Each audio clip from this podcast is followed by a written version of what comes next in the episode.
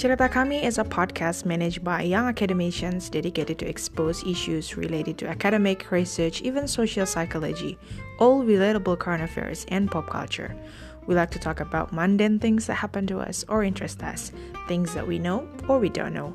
There are a lot of things that are too precious to keep it to ourselves, so sharing is caring is kind of a mantra. Hope you enjoy.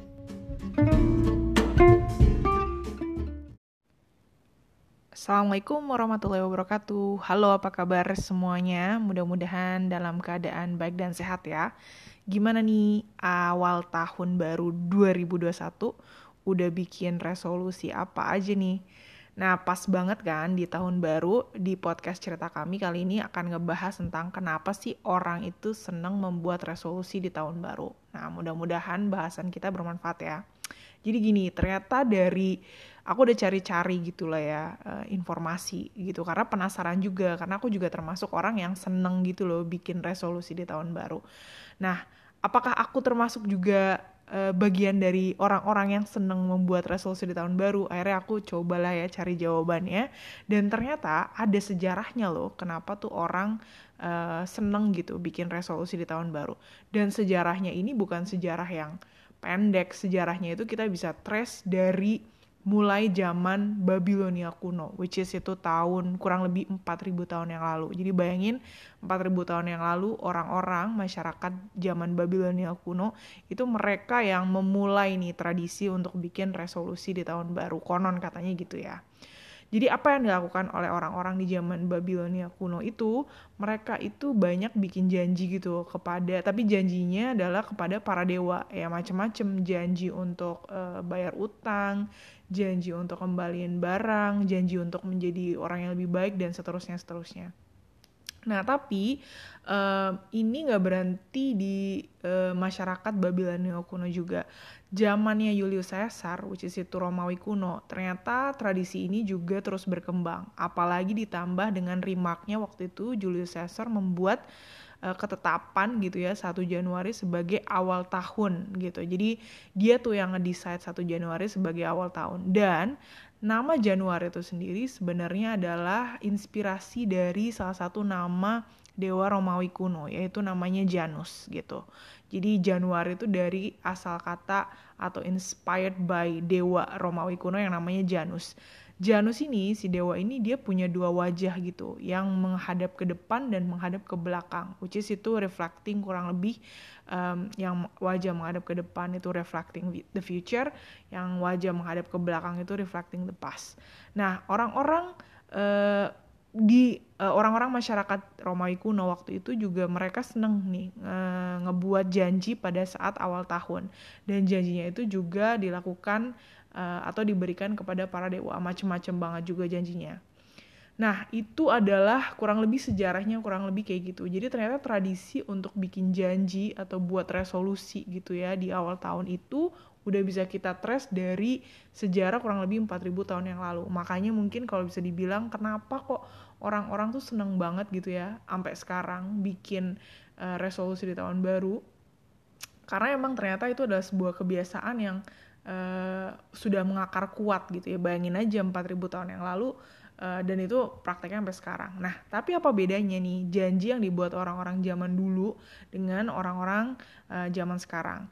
Kalau kita lihat orang-orang uh, zaman tadi ya Romawi kuno atau zaman Babilonia kuno itu mereka bikin resolusi atau janjinya itu kepada para dewa gitu. Jadi janji itu diberikan adalah um, kepada para dewa-dewanya, the gods gitu. Nah, kalau orang-orang zaman sekarang banyak yang membuat resolusi bukan kepada para dewa, tetapi lebih kepada diri sendiri. Jadi fokusnya adalah kepada diri sendiri. Misalnya, ya banyak lah ya, ada yang targetnya pengen um, apa pengen kurus, ada yang targetnya pengen kaya dan macam-macam. Jadi lebih fokus kepada diri sendiri.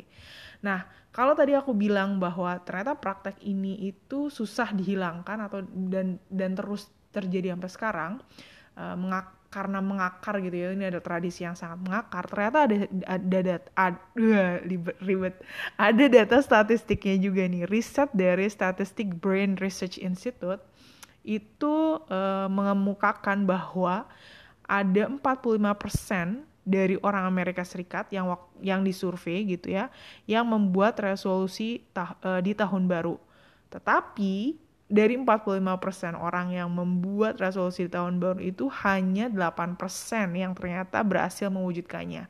Nah, uh, statistik Brand Research Institute ini dia juga uh, meneliti gitu ya, mensurvei orang-orang di seluruh dunia nih. Jadi dari Amerika, dari uh, UK, dari Eropa, dari Asia, Afrika, Australia dan bahkan uh, Pacific Islands dan dia menemukan hal yang tendensinya kurang lebih sama. Jadi dari sebanyak orang itu yang disurvei kurang lebih statistiknya cuma bilang 9,2% saja dari orang-orang yang membuat resolusi di tahun baru yang berhasil mewujudkan resolusi-resolusinya.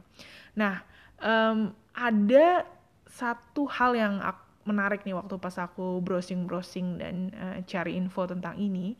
Ternyata tahun 2012 Google ya perusahaan Google itu dia bikin Google Project Resolution Map dan sekarang masih bisa tetap kita akses sih gitu meskipun um, aku kurang tahu dia mungkin datanya udah nggak update karena dia datanya itu mencerminkan tahun 2012 waktu itu. Jadi di tahun 2012 Google itu bikin namanya Google Project Resolution Map yang eh, orang-orang uh, itu bisa menuliskan resolusi mereka dan uh, teman-teman bisa ngecek sendiri ya, bisa googling sendiri dengan keyword Google Project Resolution Map uh, 2012 dan itu lucu-lucu banget tuh uh, resolusinya. Misalnya uh, banyak banget ada tentang mulai dari percintaan, tentang kesehatan gitu ya, karir, keuangan, keluarga dan seterusnya seterusnya.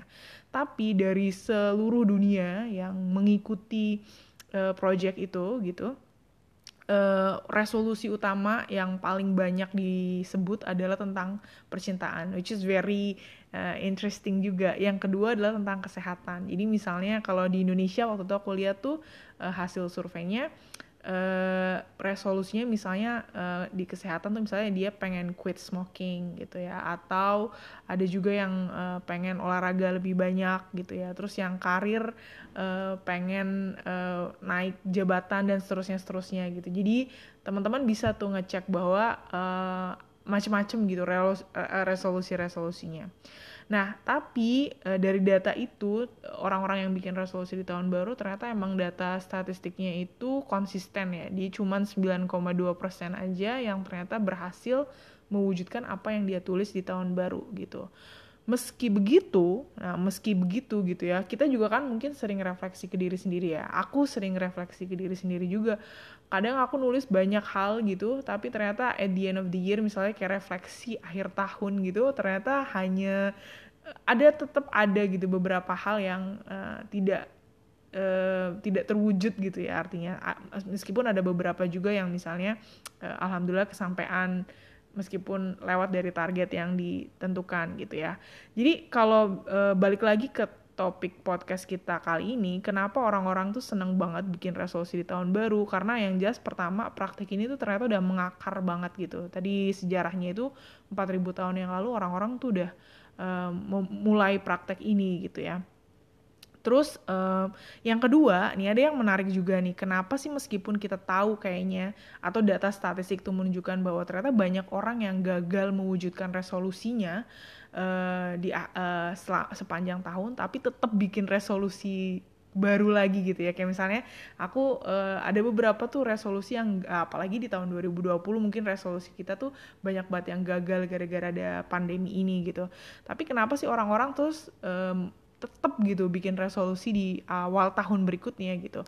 Ternyata ada penjelasan ilmiahnya uh, psikologi dari ilmu psikologi itu ada istilah namanya a triumph of hope over experience yang kurang lebih intinya adalah um, ada satu perasaan dalam diri kita masing-masing yang ngerasa bahwa uh, setelah kegagalan yang dialami yaitu ya kesedihan, ketidakpuasan gitu yang kita alami sepanjang tahun gitu uh, kita tuh ada perasaan bahwa oke okay, saatnya memulai sesuatu yang baru gitu. Jadi untuk mendapatkan personal satisfaction. Jadi uh, kita ngerasa bahwa oke okay lah tahun 2020 misalnya udah gagal, udah banyak sedih, udah banyak ketidakpuasan gitu ya, um, ada banyak kesedihan dan sebagainya, kita ngerasa oke okay, di awal tahun 2021 kita punya harapan nih gitu, jadi kita punya uh, harapan untuk menilkan, menilkan itu meniadakan perasaan-perasaan tadi yang merasa gagal, merasa sedih, dan merasa tidak puas dan seterusnya itu. Nah, a triumph hope of a, a triumph of hope over experience ini uh, uh, menjadi personal satisfaction gitu dari masing-masing kita gitu loh. Jadi kita ngerasa kayak uh, dengan kita menuliskan resolusi itu kita punya secercah secercah harapan bahwa kegagalan yang udah terjadi di masa lalu gara-gara kita nggak berhasil mencapai resolusi kita itu akan bisa um, uh, direvisi gitu dan kita bisa memulai lembaran baru juga gitu. Nah selain itu um, kenapa kita juga senang bikin um, resolusi di tahun baru meskipun kita tahu bahwa resolusi-resolusi di tahun-tahun sebelumnya itu banyak yang gagal karena ternyata itu juga salah satu media untuk meng, bisa mengkuantifikasi keinginan menjadi lebih real gitu. Jadi dengan kita menuliskan uh, resolusi kita itu kita uh, jadi mengkuantifikasi apa sih yang menjadi keinginan kita menjadi lebih real gitu ya. Kemudian uh, tadi yang dibahas cara untuk mengungkapkan ketidakpuasan atas ketidakberhasilan di masa lalu gitu ya. Jadi caranya oke okay deh yang lalu gagal nggak apa-apa. Yang penting sekarang aku uh, bisa uh, memulai lagi sesuatu yang baru gitu ya. Sama juga ada yang menarik ini adalah salah satu metode untuk erase, erasing errors in the past yang tadi disebut ya. Jadi kayak uh, kita seolah-olah tuh merasa dengan membuat resolusi tahun baru kita tuh bisa menghapus kegagalan kita di masa lalu dengan tidak mencapai resolusi kita di tahun yang lampau. Kurang lebih gitu. Jadi gimana nih? Uh, mudah-mudahan bermanfaat ya informasinya. Jadi kalian mungkin sekarang udah nggak wondering lagi aku sih sebenarnya udah nggak wondering lagi kenapa sih meskipun kayak tahun-tahun yang lalu juga gagal juga resolusinya untuk tercapai tapi tetap semangat untuk bikin resolusi di tahun baru karena tadi alasan-alasan yang udah disebutkan. Kita punya sejarah atau praktek yang ternyata udah lama banget dan itu juga banyak dilakukan dan mengakar. Yang kedua yang paling menarik adalah psikologi tentang itu tadi a triumph of hope over experience. Jadi kita uh, pengen gitu ya erasing um, kegagalan kita di masa lalu dengan menuliskan harapan di tahun baru. Kemudian itu juga salah satu cara uh, psikologi kita uh, cara mental kita untuk mengungkapkan ketidakpuasan kita atas apa yang belum kita capai di tahun sebelumnya. Sama itu adalah salah satu cara untuk mengkuantifikasi keinginan kita menjadi lebih real Mudah-mudahan bermanfaat uh, podcast singkat kita kali ini. Kita jumpa lagi di episode berikutnya. Terima kasih. Wassalamualaikum warahmatullahi wabarakatuh.